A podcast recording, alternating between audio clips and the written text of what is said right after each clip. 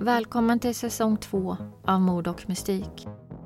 Denna säsongen kommer avsnitten på något sätt kretsa kring 80-talet. Om du gillar podden, rate oss gärna med en femma i din podcastspelare. Eller ännu hellre, lämna en recension och tipsa någon om podden.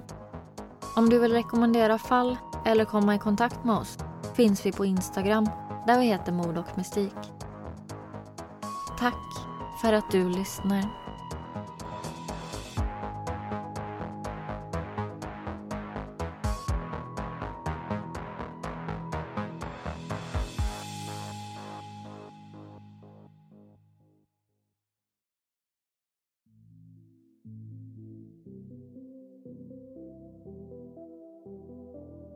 December år 1980. Flera flygvapenofficerare från två Royal Air Force-baser bevittnar några märkliga ljus i den närliggande skogen Rendlesham Forest. De misstänker att det kan vara någon som befinner sig i nöd och bestämmer sig för att ge sig ut i skogen för att undersöka vidare. Men istället för att finna några nödsatta kom de att snubbla över en okänd farkost som landat i skogen. Och hela händelsen som kom att utspela sig skulle leda till en av de mest välkända ufo-observationerna i modern tid och kom att jäcka vittnen och forskare fram till idag. Detta är berättelsen om ufo-incidenten i Rendlesham Forest.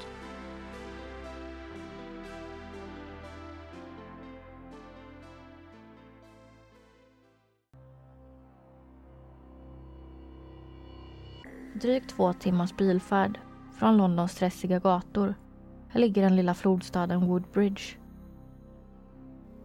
Staden som från början var en hamnstad, känd för de segel och fartyg som tillverkades där, hade under 80-talet drygt 7000 invånare. Staden var också känd för att vara hem till två flygbaser som var utlånade till US Air Force, Bentwaters och Woodbridge.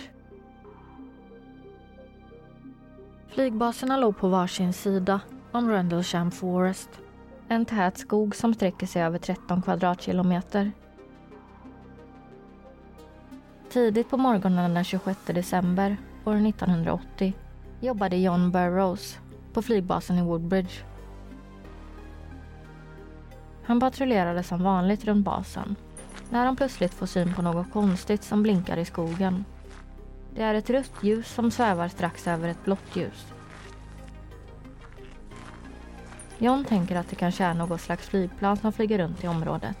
Eller ännu värre, ett flygplan som är på väg att krascha. Och att någon kanske behöver hjälp. John Burroughs kontaktar sin chef, Sergeant Stevens. Och de båda hoppar in i en militärjeep och börjar åka mot området där de sett de konstiga ljusen. Bilvägen sträcker sig inte tillräckligt långt in i skogen för att nå platsen där ljusen fortfarande blinkar. Så vid slutet av tillfartsvägen bestämmer de sig för att lämna bilen och fortsätta till fots. De röda och blåa ljusen befinner sig längre in i skogen rakt framför dem. Och nu verkar de två ljusen fått sällskap av ett tredje. Ett starkt vitt ljussken som anslutit sig till de två andra ljuskällorna. Sergeant Stevens och First Class Airman Burroughs tänker att de behöver kalla på förstärkning. Det är trots allt några oidentifierade ljusfenomen i skogen strax utanför deras flygbas. Och de vågar inte utforska vidare innan att ha först rapporterat in vad de sett. De ringer till Jim Penniston som jobbar som säkerhetsansvarig på flygbasen samtidigt som de går tillbaka mot bilen för att invänta honom. När Jim anländer till platsen får han berättat för sig vad männen har sett och gör bedömningen att det låter som ett kraschat flygplan. Men de andra som redan vandrat närmare platsen håller inte längre med. De tror det är något annat. Något som inte har kraschat, utan landat. Burroughs hade trots allt befunnit sig i området under hela händelseförloppet och varken hört några smällar eller explosioner eller något annat som tydde på att något kraschat i skogen. Ljusen dök upp i det tysta, vilket betyder att det som befinner sig i skogen valde att landa just där. De tre männen bestämmer sig för att kontakta flygledningen innan de utreder vidare för att se om de kanske fått upp något på sin radar. De får reda på att radarn snappat upp en så kallad boogie som betyder ett flygplan av okänt ursprung som flugit in i deras luftrum tidigare samma kväll. Men att radarn tappat farkosten ur sitt sikte när det befann sig över Rendlesham Forest. Detta innebär alltså att de kan ha att göra med ett säkerhetsintrång som de måste undersöka noggrannare. Så Jim, John och en annan säkerhetstjänsteman kör tillbaks ut i skogen i riktning mot ljusskenen. Vid slutet av tillfartsvägen hoppar de återigen ur sin jeep och möter upp den fjärde officen från flygbasen och börjar sedan gå till fots mot ljusen. Men när de väl kommit längre bort från jeepen börjar deras radioapparater krångla. Det är något som stör ut deras kommunikationssystem och det påverkar inte bara en utan alla fyras walkie-talkies. De kan kontakta varandra på korta avstånd men att ringa tillbaks till flygbasen går inte. Därför kommer de på idén att en av dem går tillbaks och stannar vid jeepen. En annan står halvvägs in i skogen samtidigt som Jim och John fortsätter mot ljusen. På så vis kan de förlänga kommunikationskedjan och kontakta varandra utan störningar i systemet. Men desto djupare Jim och John kommer in i skogen desto mer börjar de märka av någon konstig energi i luften. Något som känns som statisk elektricitet, men att det påverkar hela deras kroppar. De börjar märka att det blir svårt att gå, som att de vadar i tung lera eller liknande. Men de kan se ljusen framför sig och att de sakta närmar sig. Så de bestämmer sig för att kämpa vidare mot platsen. Då, helt plötsligt, BAM! En gigantisk ljusblixt skjuts mot Jim och John som båda faller till marken. Det tar ett tag innan Jim återfår medvetandet. Han ser sig omkring efter John och ser att han står en bit ifrån honom. Helt uppslukad av ett starkt vitt ljus. Och den mystiska farkosten är rakt framför honom. Det är en svart triangelformad farkost som står på tre ben och från undersidan lyser det blåa lampor. Jim känner en dragningskraft mot skeppet så han börjar röra sig mot det. När han är någon meter ifrån det är det som om någon trycker på en mute-knapp. Allt ljud i närheten, trädens rasslande, syrsornas spelande och den vinande vinden försvinner. Och allt blir helt knäpptyst. Jim är en flygplansspecialist och har aldrig tidigare sett någon teknik som kan göra något liknande. Och även farkostens yttre är något helt annat. Det finns inga skarvar i skeppet. Inga skruvar eller nitar. Inga luckor, avgaser eller något annat som är typiskt för en flygfarkost. Triangeln är helt slät på ytan. Det enda som syns är några kryptiska symboler som är skrivna längs sidan. Jim, som är en erfaren militär, är tillräckligt medveten i situationen för att ta fram en anteckningsbok och börja skissa ner farkosten han bevittnar. Han antecknar allt han kan se från det märkliga hantverket inklusive de märkliga hieroglyfliknande symbolerna. Efter han skissat klart gör han något utan att själv veta varför. Han tar upp sin hand och börjar stryka handen över symbolerna. När han nuddar farkosten skjuts ett nytt ljus ut från toppen av triangeln. Ett ljus som gör att Jim bländas, så han inte längre ser något. Sen ser han något i sitt inre. Som han själv beskrivit som en blixt av binär kod, av ettor och nollor. Som upprepas om och om igen. Som att skeppet kopplas upp mot hans hjärna och laddar ner något till honom. Jim tappar all tidsuppfattning och vet inte själv om detta tillstånd varar i minuter eller timmar. Sen, helt i tystnad, lyfter farkosten och flyger upp genom träden och ut i natten. Jim skriver i sin anteckningsbok, citat, hastighet omöjlig. Några meter bort börjar John återfå sitt medvetande. Han tror att han bara varit borta i några sekunder och kan inte minnas att han sett någon farkost. Men han minns att han sett det starka vita ljuset som han blivit helt uppslukad av. Både Jim och John befinner sig i chocktillstånd. De är inte säkra på att det de upplevt faktiskt hände. Eller om de bara hallucinerade.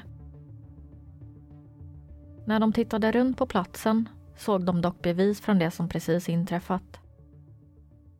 Trädens grenar var brutna precis ovanför landningsplatsen och på marken fanns det tre djupa hål där farkostens tre ben varit placerade för bara en liten stund sedan. Sedan fick man också reda på att det rapporterats om dussintals andra invånare runt Rendlesham Forest som bevittnat samma konstiga ljuskällor och andra ovanliga fenomen på himlen veckan innan incidenten. Men det viktigaste beviset av dem alla var det som nu befann sig i Jims hjärna. Den binära koden. Något som inte kommer uppdagas förrän många år senare.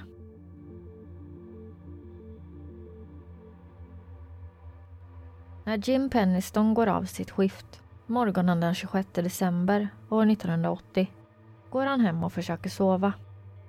Men kan inte sluta tänka på koden. De ettor och nollor som han sett upprepas framför sig, nästan i sitt inre. Han ger upp sitt försök att sova. Han försöker hålla sig upptagen under dagen men det känns som att siffrorna helt tagit över hans hjärna. Han kan inte fokusera på något annat än det upprepande mönstret. 010 111 010 111 010 111 Han känner nästan som ett tvång över att skriva ner siffrorna och så fort han skrivit ner dem slutar de upprepas i hans inre. Ungefär som om det var meningen hela tiden. Jim känner rädsla. Han vill inte visa anteckningarna för någon. Särskilt inte någon kollega på flygbasen. De kommer tro att han blivit helt galen. Och förmodligen kommer det leda till att han sjukskrivs från sitt arbete. Så han bestämmer sig för att ta anteckningsboken och stoppa den i en låda och tvinga sig själv att glömma den och allt som hänt.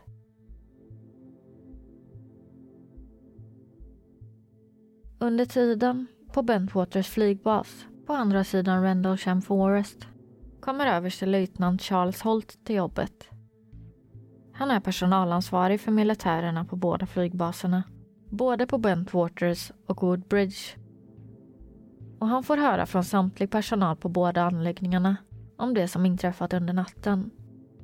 Han är extremt skeptisk till det alla pratar om. De kallar det för ufo-observationer i skogen bredvid dem.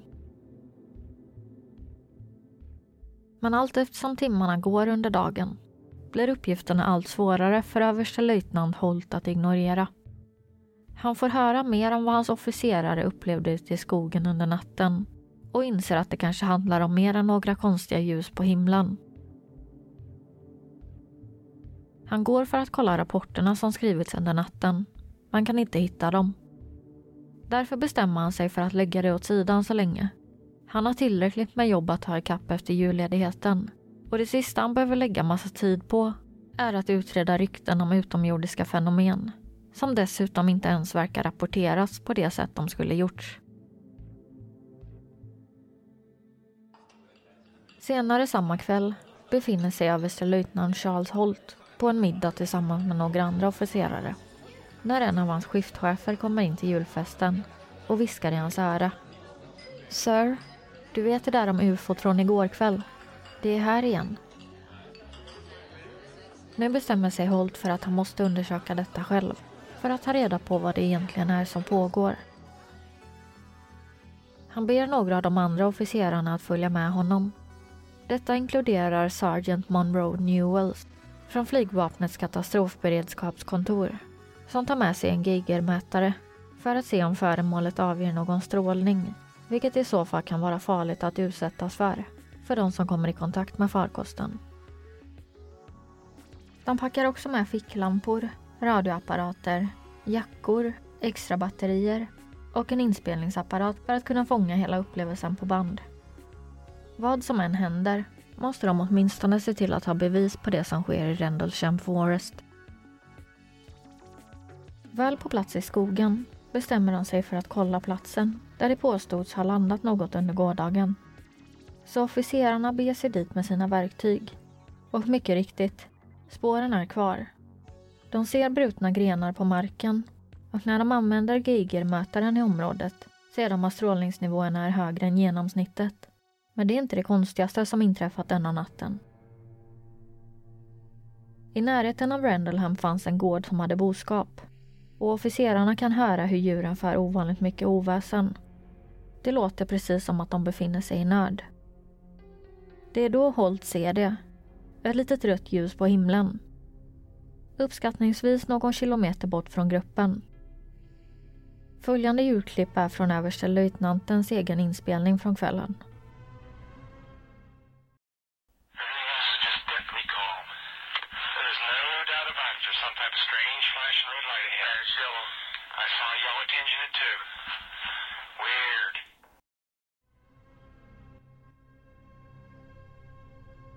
I inspelningen hör man på Holts röst att han verkar få mer panik ju närmare föremålet kommer. Och samtidigt kan han se hur strålningsnivåerna på Geigermätaren ökar. Vilket innebär att vad föremålet än är för något så verkar det avge höga nivåer av strålning. När farkosten befinner sig cirka 200 meter från gruppen säger Holt att föremålet ser ut som pupillen i ett öga som blinkar mot honom, som att det öppnas och stängs samtidigt som det åker runt på himlen och uppvisar en rad oberäkneliga rörelser som Holt själv inte kan förklara. Snart får föremålet sällskap av ytterligare ett objekt som är halvmåneformat. Och vid den tidpunkten verkar det som om båda skeppen blir medvetna om gruppen av män som står på marken och bevittnar det som sker. För ett av objekten skjuter ut en ljusstråle mot marken, runt tre meter ifrån Holt och hans team vilket får männen att förstå att farkosterna måste styras av någon som nu har sett dem. Föremålen börjar navigera förbi trädtopparna och börjar sedan söka runt på de två flygbaserna för att sedan stanna rakt ovanför deras vapenförvaringsområde. En ljusstråle tänds mot anläggningen för att strax efter släckas och försvinna ut i natten. Rykten efter incidenten har spridits om att det ska ha förvarats en hemlig kärnvapenarsenal på flygbasen. Eller på båda flygbaserna. Något som inte bekräftats officiellt. Även om den tidigare chefen för Storbritanniens försvarsstab sagt att det är möjligt att flygbaserna förvarat mer än maskingevär och handgranater. Om ryktena om hemliga kärnvapen stämmer kan det ha varit anledningen till att en myndighet vid namn Air Force Office of Special Investigations beslutade sig för att genomföra en egen utredning kring det som hände i Rendlesham Forest. Jim och John har själva berättat om hur denna myndighet flera gånger förhört dem kring vad de såg i skogen och att de fick uppfattningen om att agenterna var mer intresserade av att dölja det som hänt än att försöka ta reda på sanningen. Vid det tillfälle ska Jim ha lämnat ett fyrasidigt uttalande om vad han upplevt till en agent vid Air Force OSI 20 minuter senare kom agenten tillbaks och gav Jim en version av hans uttalande som hade kortats ner till en enda paragraf. Och resten av alla detaljer kring incidenten hade tagits bort. Uttalandet sa nu att Jim sett ett så kallat generiskt flygplan och Jim blev tillsagd att memorera paragrafen. Och att det numera var hans officiella historia om någon frågar honom om kvällen de resterande vittnena till händelsen som varit stationerade vid någon av de två flygbaserna fick höra att utredningen numera var topphemlig och att det rådde stränga förbud att prata om det som inträffat. Till och med med andra kollegor på flygbasen. Enligt överstelöjtnant Holt förhördes fem personer i samband med händelserna. Jim, John och tre andra. Han menar att detta tyder på att myndigheten antingen var väldigt lata eller att de medvetet inte ville ta reda på sanningen kring det som hände. Holt berättade också att de fem som faktiskt förhördes blev strängt behandlade under förhören och menar vidare att Air Force OSI kan ha använt sanningsserum eller liknande tillsammans med någon typ av hypnos för att manipulera personalens minnen. Förmodligen för att hindra dem från att prata om incidenten eller att komma ihåg detaljer kring händelsen. Efter förhören hör männen på flygbasen ingenting mer om utredningen. Inga svar och inga förklaringar. Ingenting. Trots att Woodbridge och Bentwaters flygbaser befinner sig på brittisk mark är de tekniskt sett under amerikansk jurisdiktion. Men överstelöjtnant Holt var så missnöjd med utredningen som bedrivits att han valde att kontakta det brittiska försvarsministeriet och informera dem om saken i hopp om att de skulle gå vidare med en egen utredning. Så i januari år 1981 utarbetar han en redogörelse där han medvetet tar bort några detaljer från händelserna för att inte uppfattas som alltför galen. Han nämner dock det viktigaste, som hur farkosten sett ut att avge strålning och om fördjupningarna i marken och liknande. Men tyvärr skriver Holt fel datum för händelsen och skriver att iakttagelserna började den 27 december och inte den 26. Så när försvarsministeriet tittar på radarrapporter för kvällen hittar de ingenting. Vissa påstår att om de tittat på rätt datum, den 26, hade de hittat bevis på radarn om oidentifierade farkoster i luftrummet. Och dessutom uppgifter om hur polisen i Suffolk County tagit emot flera samtal om mystiska ljus på himlen. Om försvarsdepartementet bara använde Holts misstag kring datumen som ursäkt för att slippa utreda händelsen eller om de faktiskt trodde att Holt ljög om allt är oklart. Men oavsett så läggs utredningen ner utan att några fler intervjuas. Och platsen där farkosten sägs ha landat undersöks inte heller noggrannare. Och detta skulle kunna vara slutet på historien om Rendlesham Forest-incidenterna. Men det fanns en sak som inte någon utredare hade tagit i beaktande. Jim Pennistons anteckningsbok som redogjorde för hela händelsen och de skisser på farkosten och den binära kod som avges från skeppet. Skriftliga bevis på att det som hänt verkligen hade skett. Incidenten i Rendlesham Forest år 1980 kan ha varit lätt för de statliga myndigheterna att glömma. Men för Jim Penniston och John Burroughs hade åren som gått efter iakttagelserna inte fått dem att glömma. De båda hade börjat lida av märkliga kroppsliga symptom som vanligtvis är kopplade till strålningsexponering. Allt från illamående och yrsel till lågt blodtryck, håravfall och inre blödningar. Och år 2011 får John även problem med sitt hjärta. Hjärtklaffproblemet var något som vanligtvis drabbade patienter som var betydligt äldre än John. Så därför undrade hans läkare om det finns något i hans historia som kunde ha orsakat hjärtfelet. Varpå han frågar John om han kan ha utsatts för en högre dos av strålning någon gång i livet. John försöker därför kontakta flygvapnet för att begära ut sina journaler. Svaret han får från flygbasen är att de förnekar att han ens varit anställd hos dem. När han ifrågasätter dem och frågar hur de kan påstå en sån sak ändrar de sin historia något. De medger att han visst har varit anställd men att hans journaler är hemlighetsstämplade och att de därför inte kan lämna ut dem. Efter att ha tagit kontakt med flera advokater och genom dem genomför påtryckningar mot flygbasen lyckas John till slut få tag i några av hans journalanteckningar. En rapport är särskilt intressant då den bekräftar att försvarsministeriet upptäckt strålning i Rendlesham Forest och att John och Jim möjligtvis kan ha påverkats av det. Efter att ha lämnat arbetet hos flygvapnet drabbades också Jim av en rad olika hälsoproblem. Och flera år senare diagnostiserades han med en hjärnsjukdom och en sjukdom i innerörat som leder till yrsel och svindel. Ett tillstånd som läkarna tror blivit utlöst av strålningsexponering. Dessutom har Jim själv berättat hur han levt med posttraumatiskt stresssyndrom efter händelsen. Men att flygvapnet vägrat betala för hans behandling. Enligt dem hände ingenting i Rendlesham Forest den natten så vad ska de betala för? PTSDn påverkade Jim till den grad att han inte fick någon sömn.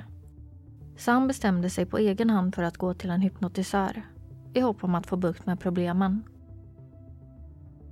Hypnoterapi har blivit kritiserat både tidigare och senare då det är svårt att veta om de minnen man får fram faktiskt är verkliga eller inte. Men oavsett så är det som Jim får reda på intressant nog att nämnas. Efter flera möten med hypnoterapeuten upptäcktes det att delar av Jims minne var blockerat. Och framförallt så fanns det stora luckor i minnet runt tiden för Rendleham-incidenten. Där Jim i stort sett inte kom ihåg något alls. Därför genomfördes hypnos för att avslöja de dolda minnena. Och till sist lyckades de. Jim transporterades tillbaka till sitt förhör med Air Force OSI. Och han kommer ihåg hur han fått ett preparat bestående av natriumpentatol, som är en typ av sanningsserum. Samtidigt som medlet verkat i honom förhördes han av regeringsagenter kring symbolerna han vidrört på farkosten. Det sägs att när han vidrört skeppet ska han ha stört en pågående reparationsprocess som pågått i farkosten och istället aktiverat ett nytt program som på något sätt laddade ner sin kod i hans minne. Jim säger också att varelserna på farkosten inte är utomjordingar. Det är människor. Tidsresenärer. Men det märkliga är att när han nämner det i förhöret med regeringsagenterna blir de inte förvånade. De frågar ingenting om det. Det enda de vill veta är om Jim har haft någon kontakt med personerna på farkosten eller inte. Och de diskuterar sen sinsemellan vad de ska göra med Jim och hur de ska se till att han inte berättar något för någon. Tydligen använder agenterna någon typ av hypnos för att blockera förhöret och allt om tidsresenärerna från Jims minne. Som tidigare nämnt är hypnosen ifrågasatt metod och fynden som gjordes under Jims sessioner är svåra att kalla för bevis för det som hände.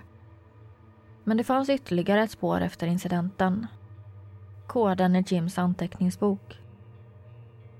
Jim själv säger att han inte har tänkt så mycket på det sen han skrev ner koden år 1980. Under en lång tid tänkte han inte ens på att det kunde vara någon typ av binär kod och han försökte därför aldrig knäcka den. Men 30 år efter händelsen, i oktober år 2010, intervjuas Jim för en dokumentärserie om incidenten i Rendleham Forest. När han bestämmer sig för att visa producenterna sin anteckningsbok där han skissat ner farkosten och symbolerna. De lade då märke till koden som skrivits ner och började direkt fråga om siffrorna. Producenterna väljer att koppla in några experter på att tolka koder och det dröjer inte länge innan de lyckas knäcka den. Koden säger citat Utforskning av mänskligheten 666 8100 Kontinuerligt för planetära framsteg. Sen listar koden massa olika koordinater för olika platser på jorden. Och sen står det citat. Eyes of your eyes. Years of origin. 8100. När man kollar upp de koordinaterna som koden uppgett listar den mängder med betydande platser i mänsklighetens historia. Egyptens pyramider, Nazca-linjerna i Peru, Apollontemplet i Grekland och så vidare. Forskare är än idag oeniga om vad som egentligen inträffade i Rendlesham Forest den 26 och 27 december år 1980. Om allt varit en bluff har det varit en väldigt utarbetad sådan som sträckt sig under 30 års tid innan den fick sin upplösning i form av knäckandet av den binära koden. Om det istället var tidsresenärer på besök från år 8100 är ju såklart bara spekulationer. Tiden får helt enkelt utvisa om så varit fallet. Vissa som analyserat händelsen menar att det talar för att ufo-observationen kan ha varit ett militärt test utfört av en högre organisation eller ett annat land som skedde utan regeringens eller flygvapnets vetskap. Kanske för att se hur personalen på plats skulle reagera på hotet något som också stärks av påståendet om att flygbaserna kan ha förvarat kärnvapen vid tidpunkten. Dock är det oklart om någon militär organisation hade tillgång till så avancerad teknik redan på denna tid. Rendlesham Forest-incidenten bevittnas av flera civila men framförallt av ett team av lojal flygvapenpersonal varav några högt uppsatta som alla menar att de sett något obeskrivligt men att de bara möttes av likgiltighet eller försök till mörkläggning när de trätt fram med sina vittnesmål. Kanske vill inte Storbritannien och den amerikanska regeringen erkänna att det finns saker som de själva inte kan förklara. Oavsett så är det svårt att tro att Jim Penniston, John Burroughs och överstelöjtnant Holt, som först varit så skeptisk att han först sagt åt all sin personal att helt ignorera händelsen, skulle ha bluffat allt. Dessutom verkar båda de två huvudvittnena, Jim och John, drabbats av långvariga hälsoproblem efter händelsen på grund av den strålning de exponerades för. Men det som kanske är mest spännande i fallet med ufo-incidenten i Rendlesham Forest är den binära kod som kom att knäckas 30 år efter händelsen och som avslöjade farkostens potentiella syfte. Och förmodligen kommer vi behöva vänta till år 8100 innan vi med säkerhet vet vad som hände där i skogen. I december år 1980